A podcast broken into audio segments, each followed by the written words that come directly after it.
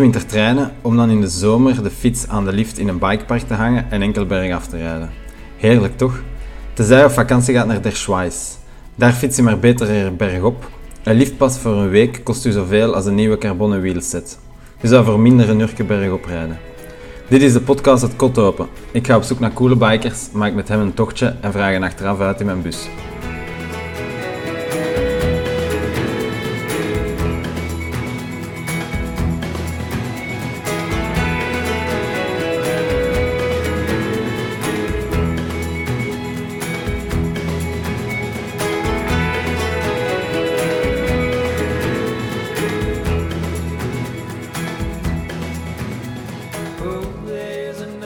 Olympiër en wereldkampioen slopestyle snowboarden Seppe Smits hoeft geen introductie. Maar wist je dat hij ook aan biken is? Ik reed met hem twee dagen in het bikepark van Les. Het is duidelijk dat hij aanleg heeft. Wat Seppe echter ongelooflijk siert, is dat hij geen sterallures heeft. Hij is een topatleet, maar leek het oprecht leuk te vinden dat ik hem met hem mee fietste. Enfin, zolang ik maar achter hem reed. Aflevering 12 met Seppe Smits. Veel luisterplezier.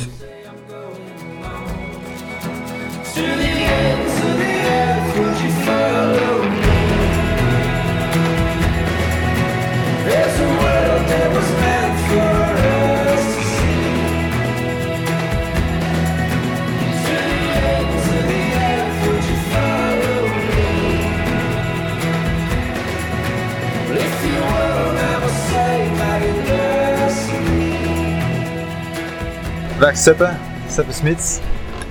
Dag Casper. Uh, keihard gebiked vanochtend en gisteravond.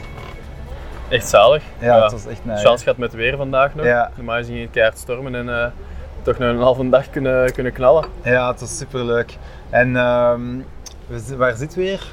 Ehm, dus nu zitten we momenteel in Alpes in Frankrijk. Dat is eh, een resort waar ik in mijn jeugd super veel tijd heb gespendeerd om te snowboarden. En eh, regelmatig wel een keer ja, een mountainbike heb gehuurd, een downhill mountainbike voor in de namiddag wat eh, met te amuseren. Maar ehm, de laatste jaren, door, ja, gedeeltelijk door global warming en zo, de impact van het klimaat, merk je wel dat die gletsjer serieus achteruit is gegaan. Dus eh, de kwaliteit om te snowboarden hier is niet meer wat dat geweest is. Ja, Dus ik, eh, ik heb op deze trip enkel mijn fiets meegenomen en eh, geen snowboard meegenomen. Dus ik ben hier enkel voor te biken deze keer. Zalig. Maar dus vroeger had je hier wel in de zomer gezeten. Ik dacht dat je hier vaak in de winter zat, maar in de zomer zat hier ook voor op de gletsjer te snowboarden. Zowel zomer als winter. Ah, zot, Eh, ja. We hadden hier vroeger ook het Belgisch kampioenschap snowboarden altijd. Ah, En, ja. eh, met de paasvakantie. En dan voor de rest had ik hier eh, vaak met de kerstvakantie ook nog wel één of twee weken. Ehm, en dan tijdens de zomer heb ik hier, ik heb hier zomers gedaan dat ik vier, vijf weken hier zat. Dat ik eigenlijk mee in de Parkshape crew zat. Dus dat ik mee het park aan het onderhouden was. Ah, cool. Om dan eigenlijk op die manier ehm, een gratis skipas te krijgen voor de, voor de dag nadien. En zo heb ik hier eh, een paar zomers gedaan. Ja, Dus dat was wel plezant. hè.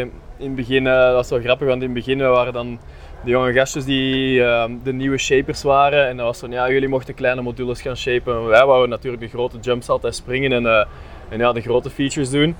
En eh, ja, wij shapten dan echt zo perfect mogelijk. En vergeleken de rest van die Park Shape crew, die waren hier gewoon vaak om, eh, om wat te chillen. Die, die deden niet even perfect als ons. En na een week lang, eh, na een week te shapen, dat wij alles zo perfect deden, waren ze van, willen jullie maar de grote jumps shapen. Ja, en dat was, ja. dat was ideaal voor ons, want dan konden wij eigenlijk onze eigen jumps gewoon shapen hoe dat we wouden. En dan Ah. lagen die altijd perfect voor een dag. dus je kent het hier super goed. Ja, het is, Ja. Wel, eh, het is wel zot hoe dat hier geëvolueerd is doorheen de jaren. Er zijn veel nieuwe barretjes bijgekomen. Zijn massa's Ja, aan het bijbouwen en zo. In dus, de eh, zomer ook, hè? Is het nu, is ja. nu al hoog, hoog zomerseizoen? Of? Nu is het eh, zeker hoog zomerseizoen. Ik denk zo vanaf half juni dat het echt al begint. Dat hier ook heel veel racingteams eh van slalomskiën komen en zo. Ehm, ik merk ook wel dat, dat op vlak van biken dat hier serieus geëvolueerd is. Ehm, vroeger waren hier heel andere trails eigenlijk dat ik heb gereden. Ehm, die zijn wel serieus vernieuwd allemaal. Ja, Het is wel cool om, ja dat is ideaal. Ik denk dat iedereen altijd wel een beetje variatie wilt in, eh, in, in biken. En als er Ja. ieder jaar exact dezelfde lijnen liggen, ja, op den duur wordt dat ook maar saai. ja. ja, we hebben ehm, de leukste lijn was een Diablo, denk ik. En we zitten nu ook onderaan een Diablo Lift. Ja. Of dat was toch de, de jumplijn eigenlijk? Ja, inderdaad. Ja. het is zo. eh, ik weet niet, ik, zou, ik vind het moeilijk om te zeggen dat dat zo de leukste was. Ik vind het plezant ah als je een lijn te veel rijdt, omdat dat je lievelingslijn is, dan gaat hem ook beug raken en dan gaat Ja. liever een andere lijn beginnen doen. Ja. En ik vond het heel plezant dat we eigenlijk gewoon constant wat gevarieerd hebben in, eh, in lijnen. Af en toe een keer tot beneden in Venos de 666, wat dat wat meer enduro-style was. Of af en toe gewoon een easy flow line, gelijk de Lilith of zo. Dat we gewoon echt eh, ja, elke run eh, een beetje een andere lijn hebben gepakt. Ik kon u helaas net niet volgen. Ja. ik zag u wel nog rijden. Ja. Dus, eh, ja.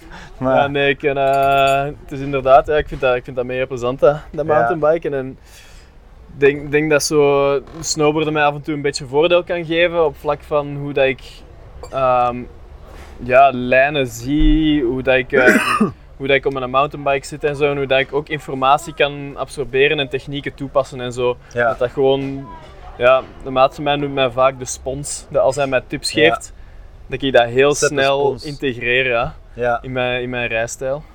Ja, ehm, ik zag ook dat je op, op gebied van springen viel het nog mee. Had ik de indruk dat, dat we misschien wel, ik weet het niet, ja, jij, zij zult wel zotter springen, maar daar, maar ik vond het vooral indrukwekkend inderdaad als ik op je bochten ben beginnen letten. Jij, jij durfde inderdaad sneller de, bocht, de kombocht induiken, terwijl ik remde inderdaad te veel af waarschijnlijk.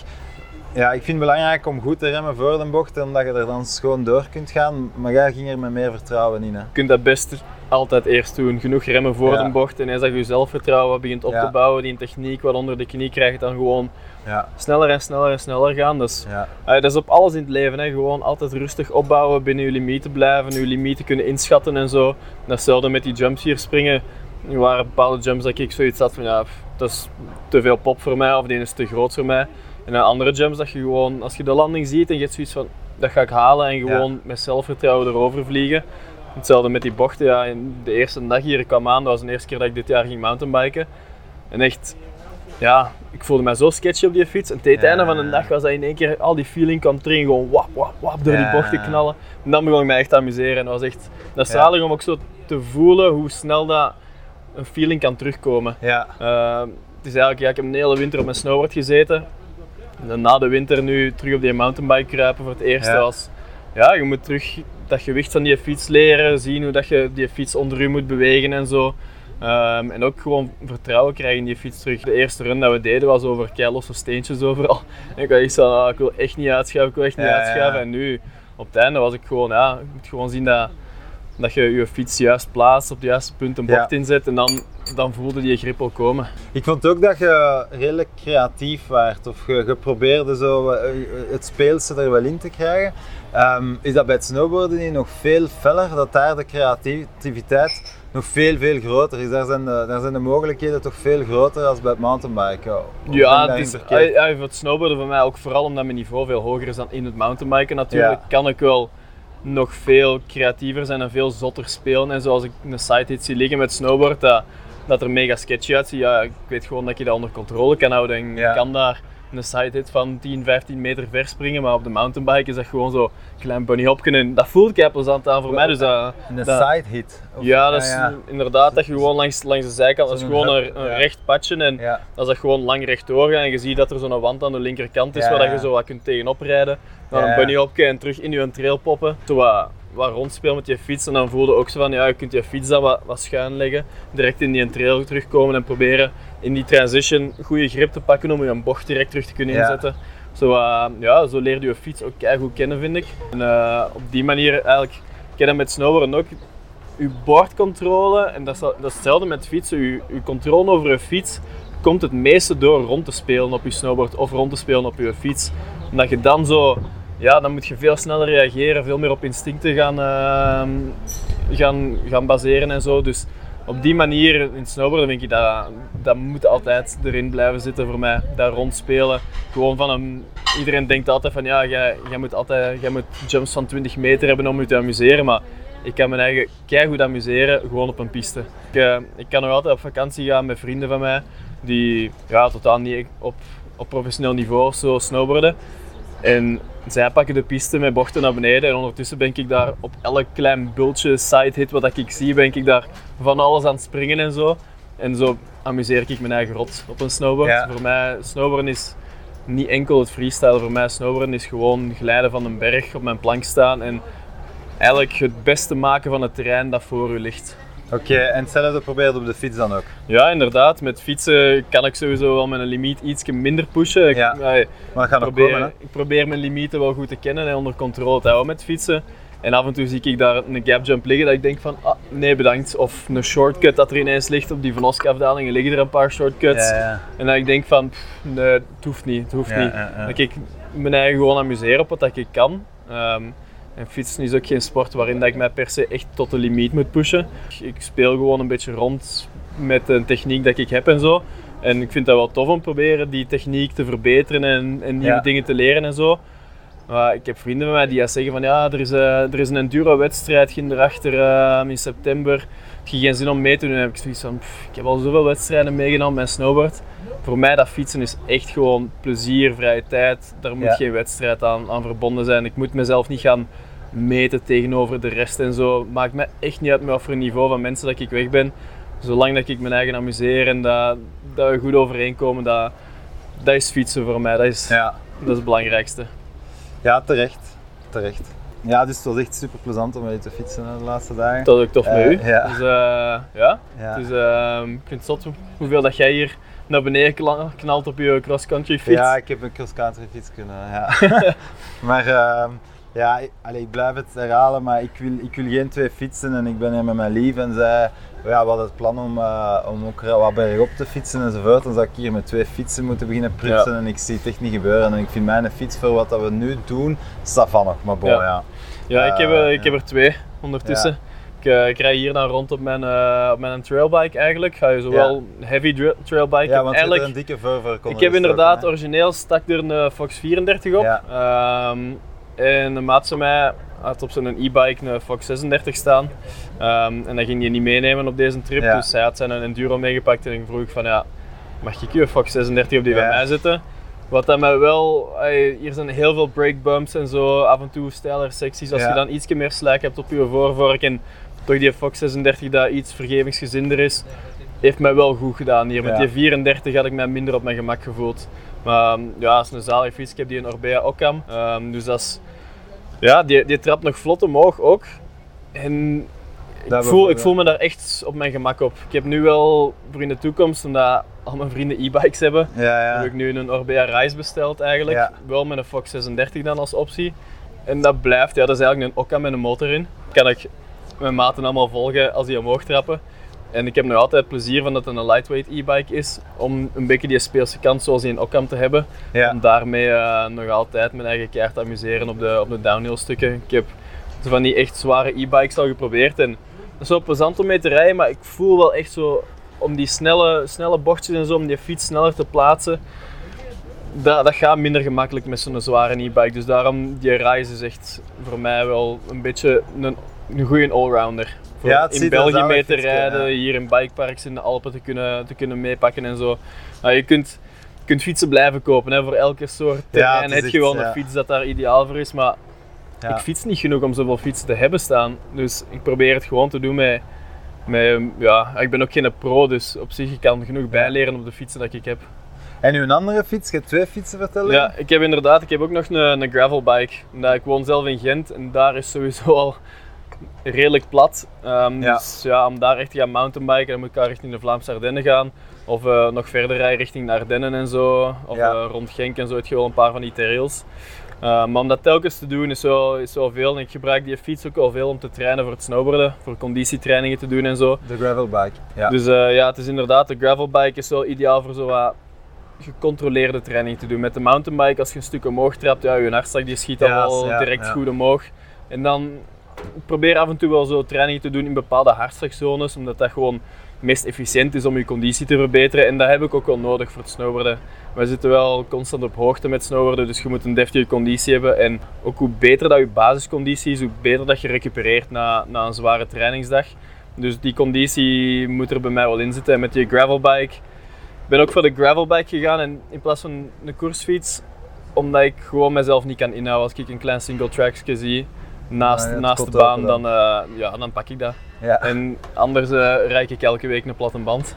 Rijd ik een is band de- kapot met, ja. de, met de koersfiets. Dus Dat versta ik wel eh, niet. Ik begrijp het concept van ehm gravelroutes, ja, maar ik begrijp het concept niet van een gravelfiets. Dus ik zou, ik zou, dat, ik zou een hardtail mountainbike gekocht hebben.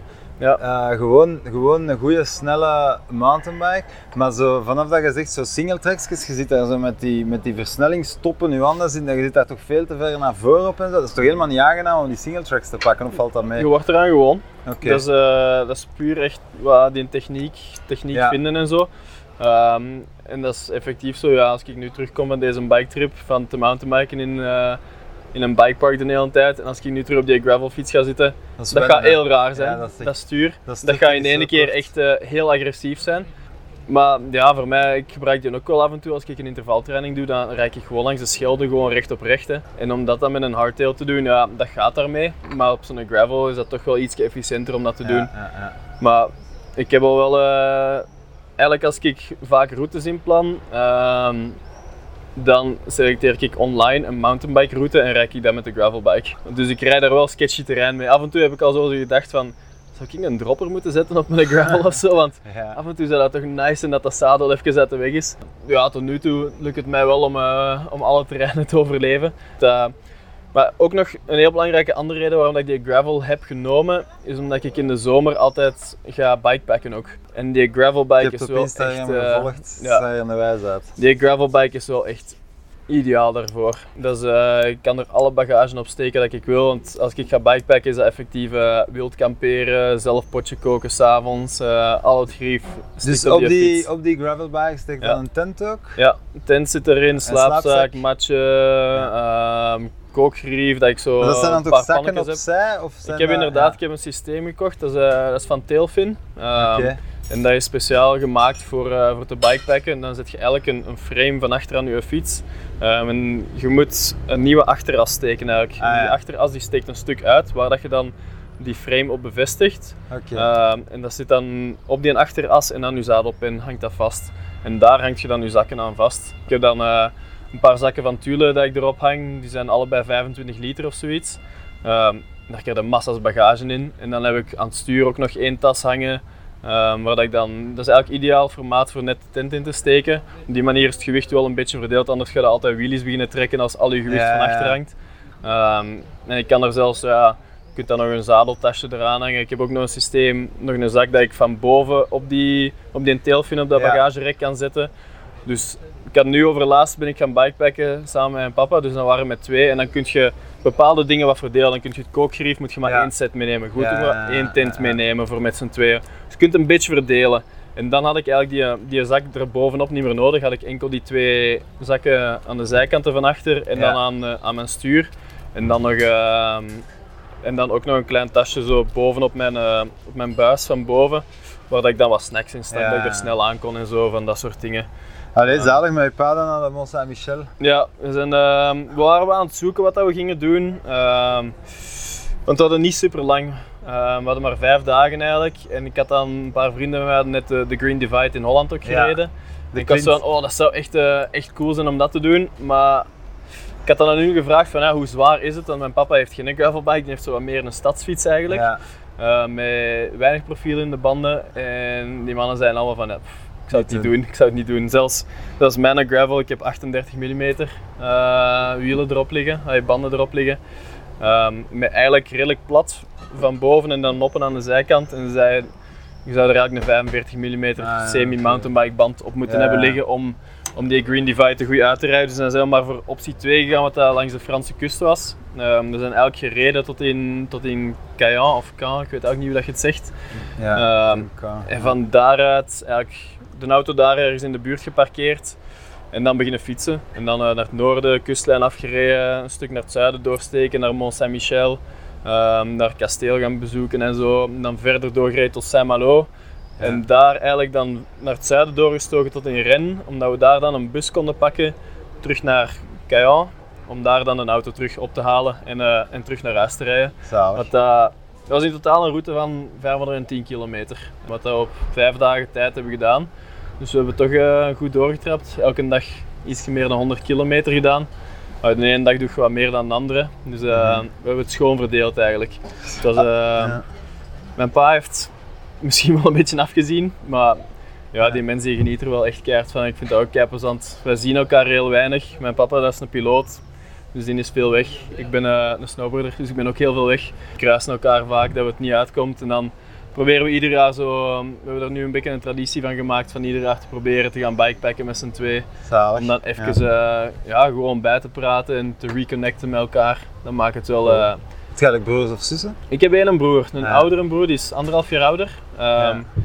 En eigenlijk ook uh, met hem altijd samen gesnowboard. Um, hij zat ook mee op topniveau toen hij eigenlijk een keizware knieblessure heeft gehad. Hij heeft zijn ah, knie uit de kom gehad, een paar ligamenten gescheurd um, en daar lang van moeten revalideren. En dat is eigenlijk mijn semi-doorbraakjaar geweest. daar heb ik echt een serieuze jump vooruit gemaakt.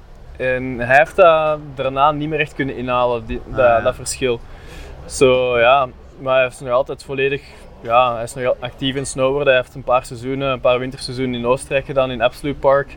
Uh, waar hij dan coach was voor, uh, in het freestyle, het freestyle team en zo. En dan daarna is hij naar Nieuw-Zeeland geweest, in Japan geweest voor les te geven voor het snowboarden en zo. En nu geeft hij nog altijd les aan, aan de rookies in België en zo. Dus ah, het snowboarden is een verslavende sport. Zit in de familie, Je, je krijgt het er niet uit. Ja, zelfs mijn papa is eraan begonnen. Nee, ah, Mijn broer en ik. Ik ben begonnen op mijn 9, dus mijn broer op zijn 10. En uh, vijf jaar later is mijn papa er ook aan begonnen. Zalig, ja. Dus als, uh, ja, mijn, in de familie wintersport zat er altijd wel in. Mijn papa was, uh, mijn ouders waren fervente skiers altijd wel. Dus ja. we gingen één of twee keer per jaar gingen wij op skivakantie altijd. Dus ik ben op mijn drie jaar voor het eerst op skis gaan staan. En dan tot mijn tien heb ik op skis gestaan en dan heb ik die op zolder gestoken en sindsdien geen ja. skis niet meer aangeraakt, alleen maar gesnowboard. En nu de mountainbike micro, allee, de fietsmicro, dus, allee, het is wel echt cool om te horen dat je zo, gelijk van die gravelbike, dat je er dan ook veel van weet. Um, het is niet dat je gewoon eens een fietsje hebt gekocht, je er wel Nee, ik, ik, heb er echt wel onderzoek naar gedaan. Ja. Um, dat ik echt wel allee, deftig materiaal wou en ook gewoon materiaal dat bij mij past, wat dat mij interesseert in fietsen. Wat, wat, is u, wat past bij u bij het mountainbiken? Um, ik wil een fiets hebben dat niet dat in België nog altijd ideaal is om mee rond te fietsen en in bikeparks in de Alpen bijvoorbeeld. Zo'n zware enduro zou hier echt plezant zijn of zelfs een downhillbike. Maar als ik dan in België ga, ga mountainbiken, zo op de Terils of zo of in de Ardennen, dan heb ik nog wel altijd vaak meer plezier aan een trailbike dat nog vlot omhoog trapt, dan echt een zware enduro te pakken. Dus vandaar dat ik wel ja. ja voor die een trailbike ben gegaan, maar dan wel met een upgrade naar een Fox 36 van voor. Um, wat dan een optie is op die Orbea Occam en op die Orbea Rise. Um, maar ik heb wel een keer met de Rallon gereden ook in, uh, in Winterberg. En de Rallon, dat is de enduro? Dat is, dat is een enduro uh, van, okay. uh, van Orbea en dat is echt, oh, my, wat een fiets. Heerlijk. Dat ding dat knalt naar beneden, dat is niet normaal. Het is echt heerlijk om mee te rijden. Maar uh, ja, die trapte eigenlijk ook nog verbazend goed omhoog. Uh, dus ik heb wel lang getwijfeld dat ik een Rallon ging pakken of een, of een Occam. Uh, maar ik heb veel reviews opgezocht en zo en iedereen was wel heel positief over die in Occam. Maar ze zeiden dan wel van pak de Fox 36. Um, ja. En dan is er een fout gebeurd met de bestelling en ik een Fox 34 erop. Dus dat is zo, ah dammit. Maar goed, ik heb, er, ik heb er echt wel serieus mee geknald met die 34 ja, ook. En dan, nu had ik dan chance dat, dat Willem zijn, uh, zijn ja. Fox 36 niet nodig had. En dan dacht ik, kom, voor uh, zo in de Alpen zware trails te gaan bashen, dan kan ik wel iets meer voor vering gebruiken. Maar dus op de reis gaat wel een, een 36 staan. Zeg, en je bent gesponsord door Red Bull. Dus je, zit, uh, je hebt gisteren verteld over het um, leuke clubje Red Bull atleten in België. Yep. Lotte Bregma of Bruggeman. Lore, Lore Bruggeman. Bruggeman. Uh, ja, Wout van Aert. Ja. Um, maar dus ook Martin Maas. Ja. En je bent gaan biken met Martin Maas. Ja. En? Kun je kunnen volgen? Belangrijk dat niet zot. Dat is echt... Ja. Ja, nee, maar die, uh, dat is echt een super sympathieke mens. Echt heel down to earth en zo. Uh, Dus ja, als ik ermee ben gaan biken, was, eh, ja, die heeft gewoon trails gepakt dat, dat ik ook aan kan natuurlijk. Dat was eh, eigenlijk via via dat ik die dan ja, via Red Bull, hebben een WhatsApp groepje, dus we kenden elkaar zo digitaal al. En dan ehm, eigenlijk via mijn manager dat dan eh, wel goed bevriend is met de mensen bij Orbea, die het dan bij, goed bevriend zijn met Martijn. Zo, zo via via ben ik daar dan eh, terechtgekomen. Zo, ja, kom, we gaan een keer met Martijn gaan fietsen. Dus zo, alright, cool. Ja, Maar ja, eigenlijk, eh, eigenlijk een mega, mega chillen dude. Maar het is gewoon insane als je daarmee gaat fietsen. Dat is zo, zo'n trail dat voor mij al wel op sommige stukken uitdagend was. Vooral zo een heel smal padje met wel wat scherpe bochten in. En af en toe lag er ineens een gap jump van 3, 4 meter tussen. En dan was ik echt zo, ja. En hoe moet je dat halen? Dat ligt hier achter een keischerpe bocht op een mega smal padje. Ik had 0,0 snelheid voor die gap jump te halen. En dan, eh, en dan zie je Martijn afkomen. Dat is gewoon waf door die bocht en pop. Die popt er gewoon in één keer twee meter hoog in de lucht over die gap jump. En zo, je, kunt dat niet in, ah, je kan dat niet snappen hoe dat hij zoveel snelheid kan houden. En dat ziet er zo effortless uit voor die mens. Dus eh, dat is zalig om, dat, om daarmee te rijden. Dat is echt heel, en waar Heel was dat in impressionant. België dat je gereden hebt? dat was dicht bij hem thuis, ergens in de buurt van, eh, van Luik, denk ik. Ik weet het niet meer exact. Het is, Ja. al, het is al wel eh, twee jaar geleden dat ik ben gaan rijden met. En zijn er zo nog Red Bull eh, atleten die graag biken? Eh, we zitten wel eigenlijk met een redelijk groot bike team eigenlijk. In, bij Red Bull je hebt Thomas Genot ook. Ah ja, Eh, dat is juist, ja. Tommy G, dan Wout van Aert uiteraard. Ja. Je hebt ook eh, dingen, Maarten van Riel eigenlijk. Die, ah, dat is triathlon, dus ja. ook al deels op de fiets dat hij zit. Eh, Kenny Belay met Trailbike. Ja, tuurlijk. Ja. Dus we hebben wel veel fietsers in België bij Red Bull zitten, maar allemaal, allemaal toffe gasten. Ik ken ze niet allemaal persoonlijk, maar eh, de Marten bijvoorbeeld, ik denk dat dat wel echt een, een heel ludieke mens is om mee, ja, om mee rond te hangen. En de Wout, ja, als, als we zo wat babbelen in die groep, allee, iedereen is er wel een beetje actief in en iedereen is wel zo supportive als, als de Wout nu op de Tour eh, een paar goede resultaten haalt. Van, ja, dan leeft die groep even terug op, dan is iedereen zo wel eh, terug aan het babbelen. Iedereen, ja, Ja. Als er iemand een goed resultaat had, dan proficiat van iedereen en zo. Zalig, ja. Ehm, het is wel ja, eigenlijk, eigenlijk een kleine toffe community dat we hebben met die Red Bull atleten. Dat is ideaal voor mij eigenlijk ook. Hè. Ja, voilà. Stik me er maar bij. Ja. zie, en de vraag dat ik, als ik Red Bull hoor, dan denk ik toch ook altijd aan, aan gevaar en aan blessures. Ehm, ik denk dat snowboarden toch ook een blessuregevoelige sport is. En, en Je moet het mij niet vertellen, jammer Ja. genoeg. Ik heb, eh, nee, ik heb vorig jaar eh, op 13 maanden drie operaties gehad, waarvan Ja. twee door het snowboarden en één door het mountainbiken. Dus ik doe wel de goede sporten hier. Ja, inderdaad. Dus, dus dat vind ik persoonlijk echt niet leuk aan het mountainbiken. Allee, je zit hier bijvoorbeeld met, met Willem, een hele toffe gast. Die heeft hoe lang gebiked op Da- vakantie? ja, dag In de 2 kram? is hem, Ah, eh, oké. dag twee is hem op de eerste run eigenlijk naar beneden. Was nog wat vochtig en eh, ja, eigenlijk in een, in een scherpe, eigenlijk in, een- in een hairpin eigenlijk gewoon scherpe bocht dat heel, scher- heel diep dook eigenlijk, wat dan een rots was. Die rots was nog nat en hij duikt erin en zijn stuur slaagt eigenlijk dwars. En dan daarna terug op, de, op het zand gekomen en dan Ja. gewoon los voorover geslagen ineens. En eh, ja, gewoon niet de tijd gehad om, om, eh, om door te rollen. of zo. Hij is gewoon recht op zijn schouder terechtgekomen en het sleutelbeen ehm, een stukje ontwricht. Dat is zo balen. We zaten halverwege, halverwege een berg, dus dan eh, al dat materiaal naar beneden proberen te sleuren. Dus dat was Ja. nog wel een serieuze uitdaging. En dan, ja, met dat ik hier al veel ben geweest, zei ik van ja, ik ken hier een goede dokter. Dus eh, we zaten eigenlijk aan het begin van het, eh, van het dorp en een dokter is op het einde van het dorp. Dus een heel dorp doorgestoken. De dokter was gesloten. Allee, Oei. ik snapte het niet. Was zo van, ja, oké, dat is gesloten. Oké, naar een andere centrum medical gegaan, in, in het midden van het dorp. Ehm, ook gesloten. En ik zei, maar wat de hel moeten we nu doen? En dan eigenlijk gewoon een 112 gebeld. Van ja, we hebben hier nu blesseerde en er is hier niks open. Wat, wat moeten we doen? En die zijn dan, dat heeft nog een kwartier geduurd of zo voordat die ons konden vertellen waar dat er iets open was. Dus zijn we helemaal terug naar het begin van het dorp gegaan, van waar dat we kwamen eigenlijk. En daar was dan nog een andere centrum medicale open was, bleek dat het nieuw kabinet te zijn van de dokter waar we eerst waren Ah, toegekomen. oké, ja. Dus eigenlijk voor niks dat heel dorp doorgestoken. Ja. En hoe ga je daar zo, zo mee om met, met de risico's in je sporten? Proberen onder controle te houden, Ja. je limieten te kennen. ehm, en ja, niet overhaasten of niet jezelf te hard laten pushen door, door mensen en zo. Gewoon je eigen limieten kennen.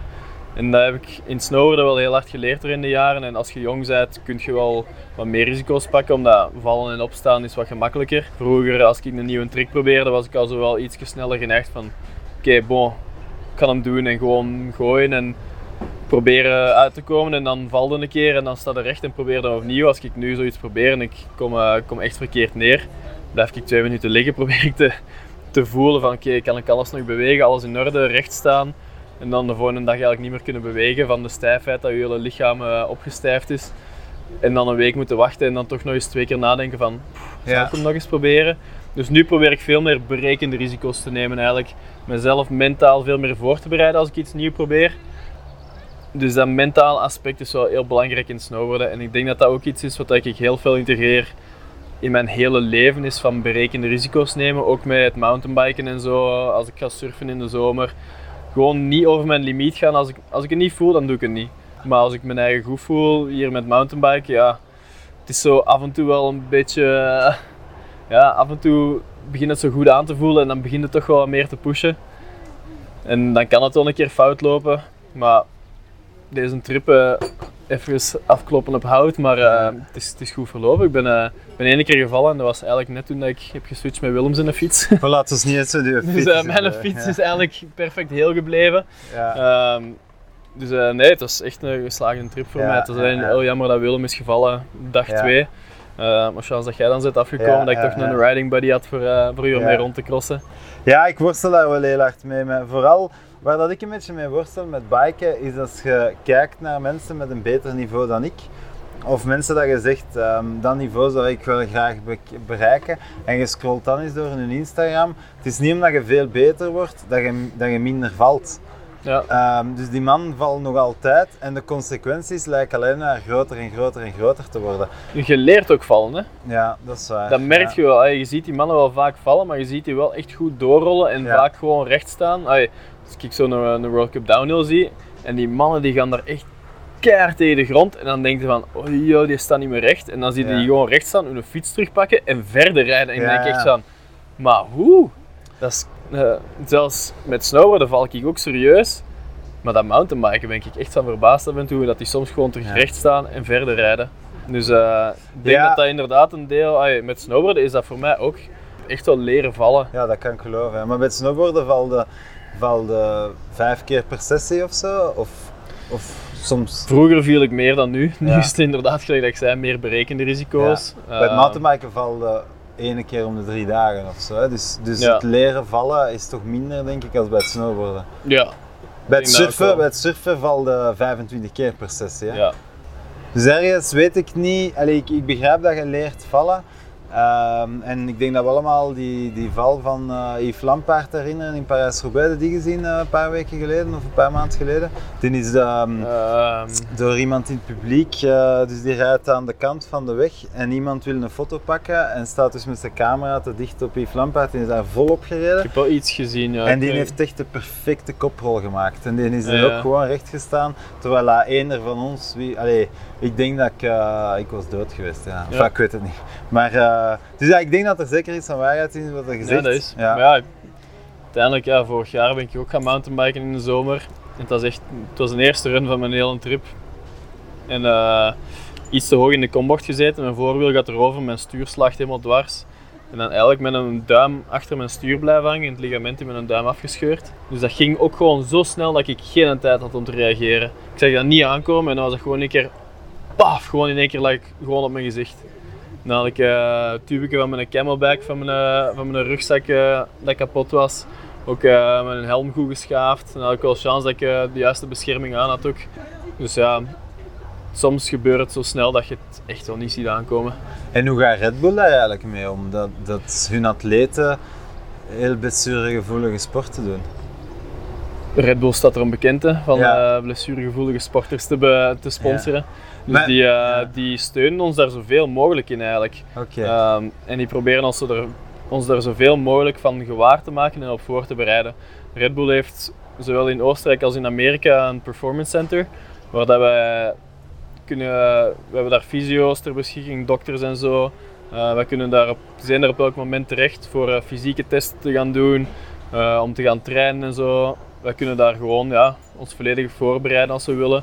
En ehm, ja, als wij nood hebben aan, aan fysieke, aan, aan mentale training of zo, kunnen, kan ik sowieso bij Red Bull aankloppen om te zeggen van ja, ik heb iemand nodig. Ehm, en zij zullen mij direct in contact brengen met wie dat ik nodig heb. Dus dat is, Red Bull is meer dan een sponsor voor mij dat gewoon mij geld geeft en Red Bull blikken geeft uh, voor prestaties. Die, uh, die verzorgen echt het volledige pakket. Dat is fysieke voorbereidingen, mentale voorbereidingen, contacten met de media. Als je een project wilt doen, gaan zij helpen om dat project volledig uit te werken. Voor, uh, voor daarna ook de media aan te spreken om je project de, de wijde wereld in te sturen en zo. Ze hebben Red Bull Media House waar, uh, waar dat je echt gigantisch zotte projecten mee kunt organiseren en zo.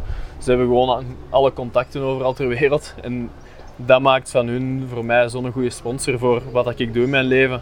Dus uh, die hebben zoveel contacten en zoveel manieren dat die je kunnen steunen, dat, dat dat is niet gewoon voor mij een partner die je mij geld geeft, dat is echt wel het volledige pakket. Ja, dat is wel interessant om te horen, vind ik. Want soms lijkt dat voor mij zo wat als complete outsider. Ik ken daar helemaal niks van. Ik, ik vraag me vaak af van wat zou er gebeuren inderdaad als jij nu heel zwaar valt en, um, en echt een paar jaar niet kunt snowboarden. Laat Red Bull u dan vallen als een baksteen en zoeken ze een andere Seppesmits. Um, zo komt dat Goh, soms wel over. Ik denk, ik denk, dat dat een beetje een balans is voor elke sponsor om te vinden. Ik zit nu al heel lang bij Red Bull.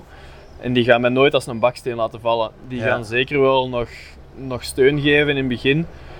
Maar die gaan mij inderdaad niet, als ik, uh, als ik een blessure heb waardoor ik nooit niet meer kan snowboarden, gaan die mij niet nog 10, 20 jaar lang geld blijven geven. Maar die zullen wel altijd er voor mij zijn. En als ik wil revalideren en mijn krachten terugwinnen, bijvoorbeeld, ja, het is, het is, een beetje kut om over te praten, maar als ik mijn rug zou breken en niet meer kan wandelen of zo, kan ik direct bij Red Bull terecht voor revalidatie en dat die mij op de beste mogelijke manier gaan helpen om ah, terug mijn benen te geraken, om dat zo, zo goed mogelijk aan te pakken. Dan, uh, ik, uh, dan kan ik volledig rekenen op Red Bull. Maar dat gaat inderdaad, die, die financiële kant gaat niet eeuwig blijven duren dan. Ja. Maar de steun en mee eigenlijk part of the Red Bull family zijn, dat gaat nooit weggaan. Dat is wel echt heel cool om te horen, dat wist ik niet. Ja, ja nee, Red Bull is echt wel... Dat is echt wel ik ken iedereen daar goed en dat zijn echt gewoon heel sympathieke mensen dat er werken. Um, en dat zijn allemaal mensen die echt Red Bull-minded zijn ook. Je merkt dat als er, als er iemand nieuw in het team komt, die zijn echt... Dat is zo'n Red Bull-mindset eigenlijk. Ja. En dan moet je als, als werknemer hebben bij Red Bull, dan moet je als atleet hebben bij Red Bull. En daarom dat dat, dat echt wel specifieke atleten zijn die als ze bij Red Bull nemen. En dat dat niet anders, anders konden bij andere merken terecht. Oké, cool. Ja, we hebben uh, volledig volgepraat. Ik probeer altijd nog te vragen van wat dat uw ambities nog zijn of wat dat uw dromen of uw toekomstplannen fietsgerelateerd nog zijn. Naar waar kijkt jij uit? Ik denk op mountainbike vlak dat ik niet per se zotte ambities heb of zo. Ik wil, uh, ik wil gewoon ook veel plezante trips doen met vrienden. Uh, dus een, paar plekken waar ik nog, uh, nog wel graag een keer naartoe zou gaan. Finale Ligure is wel een van die plekken waar ik graag een keer zou gaan uh, mountainbiken. Vrienden van mij zijn er al een paar keer geweest. In België, naar Les Hautes bijvoorbeeld, heb ik veel toffe dingen over gehoord. Om daar een keer te gaan mountainbiken. Maar ik denk dat toekomstplannen, dat ik dat eerder met het bikepacken heb. Zo gravelbike, bikepacken. Oké. Ehm, er zijn nog veel landen dat ik heel graag zou willen bezoeken in mijn leven. En eigenlijk een van de redenen waarom dat ik dat bikepacken graag doe, is omdat ik op die manier zeer ecologisch kan reizen. En voor mij sustainability is zo'n groot deel van mijn leven ook. Ik probeer eigenlijk bij mij thuis heel zero waste te leven. Ik ga altijd naar verpakkingsvrije winkels. Ik, eh, ik produceer wel uh, minder dan één vuilniszak per jaar dat ik moet buiten zetten. Echt? Ja. Ah, knap. Um, dus dat is een van de dingen dat ik integreer. Ik probeer um, ja, zo ecologisch mogelijk te reizen. Um, om zo weinig mogelijk het vliegtuig te pakken. In mijn zomerreizen probeer ik ja, altijd het vliegtuig te vermijden. Dus heb ik drie jaar geleden wou ik uh, Noorwegen bezoeken. Wou dat gaan ontdekken. En dan ben ik dus ideaal was dan ja, met de fiets eigenlijk door Noorwegen rijden. Maar om daar te geraken is, wou, wou ik dan het vliegtuig vermijden. Dus ik ben met trein en bus tot daar gegaan. Wat dat echt een serieuze hassle was om dat allemaal geregeld te krijgen. En je doet er ook lang over om daar te geraken. Maar anderzijds was er ook wel een voordeel aan dat traag reizen. Is, ik moest dan met Flixbussen en met treinen en zo telkens transfers doen. En af en toe, ik had dan bijvoorbeeld een, een layover in Hamburg van 12 uur. Maar ik had mijn fiets bij. Dus ik ben gewoon Hamburg gaan ontdekken een dag lang. Ja, ja, Dan had ik een layover van, van 6 uur in Oslo. Ben ik gewoon door Oslo gaan fietsen. Een layover van 8 uur in, eh, in Kopenhagen. Kopenhagen bezocht. Trondheim ook nog een layover van, eh, van 8 uur. Trondheim helemaal gaan bezoeken. ja. Dus eigenlijk elke stop dat, dat lang duurde, was totaal niet erg dat ik daar een lange transfertijd had. Dan ik had die fiets bij en dan kon ik gewoon een citytrip doen daar. Wat dat ja. eigenlijk wel tof was. En dan heb ik daarna ook, eh, dus Noorwegen heb ik dan met de fiets gedaan. Ben ik van Trondheim tot in Tromsø gefietst. Amai, tot in Tromsø gaan Ja, boven. wat dat 1500 kilometer was, maar het waren vooral de hoogtemeters dat zeer deden. Het was 18.000 hoogtemeter in totaal. Ehm, dus dat was zo wel pittig. En dan tijd dat gedaan? op vijf weken tijd wel. Dus een hoop Ah, ja. hikes en zo ook nog gedaan tussendoor. Allee, Eens dat je op de Lofoten komt en Senja en zo daar in het noorden. Ja, af en toe reed ik daar maar 10 kilometer op een dag of zo met de fiets. En dan was dat gewoon de ene hike naar de andere gaan doen.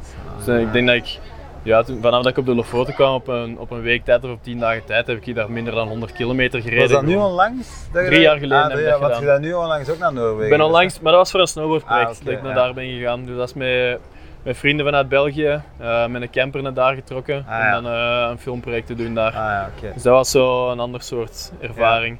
Maar dus dat is eigenlijk ja, een super ecologische manier van, van te reizen. Maar ik vind dat echt zo zalig, dat bikepacken. Omdat je... Dat is eigenlijk een ideaal tempo voor mij. Ik heb vroeger met een auto een keer ehm, rondgerezen door... eh, ik heb de West Coast van Amerika gedaan vroeger, Portugal gedaan met een auto. En dat is tof, maar als je zelf aan het rijden bent, zie je niet veel van het landschap ja. dat je voorbij komt. Omdat je gefocust bent op het rijden. Dan ben ik gaan backpacken in het noorden van Zweden. Ehm, ben ik gaan backpacken in het noorden van Zweden. En daar ehm 200 kilometer te voet gedaan. 220 kilometer te voet. En dat was ook tof, maar je ziet maar één of twee landschappen per dag. Ja, je, ja, ja, je ja. wandelt maar 20 kilometer max op een dag. Ja. Terwijl dat met bikepacken, ja, op goede dagen, als ik nu onlangs met mijn papa ben geweest, de langste dag dat we hadden gereden was 100, 140 kilometer. Ja, En dan zie je wel veel op een dag.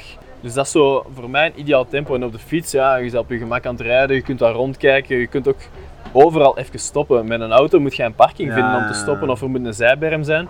Met de fiets, ja, je zet je gewoon aan de kant en je gaat kijken naar een uitzicht. En dat vond ik zo zalig eraan. Dat was een ideaal tempo. En je fietst het als je moe bent, of je fietst het als je honger bent. Behalve in Noorwegen bijvoorbeeld, waar dat je maar één keer om de twee dagen een supermarkt tegenkomt soms. Ja, Dus daar moest je wel wat proviant in slaan soms. Maar ja, dat is gewoon puur op je eigen ritme dat je gaat. En Ja. dat vind ik zo zalig aan de reizen. Dat is echt zo stress-free reizen eigenlijk. Dat je, dat je gewoon ja, fietsen en ontspannen en genieten van alles wat dat je tegenkomt. En niks moet en alles mag. Ja. En dat vind ik echt, echt vakantie. Dus, de, dus je kijkt het meeste uit en ambities liggen Ja, wel dus ik, heb, eh, ja. ik, heb, ik zou heel graag IJsland ooit een keer doen met de fiets. Ja. Ehm, Schotland staat ook nog wel op de lijst. En dan richting, eh, richting het oosten, zo, Oost-Europa en zo. Ehm, Georgië, ehm, Albanië en zo, zo'n soort landen. Het ook echt prachtig zijn om een keer te gaan ontdekken met de fiets.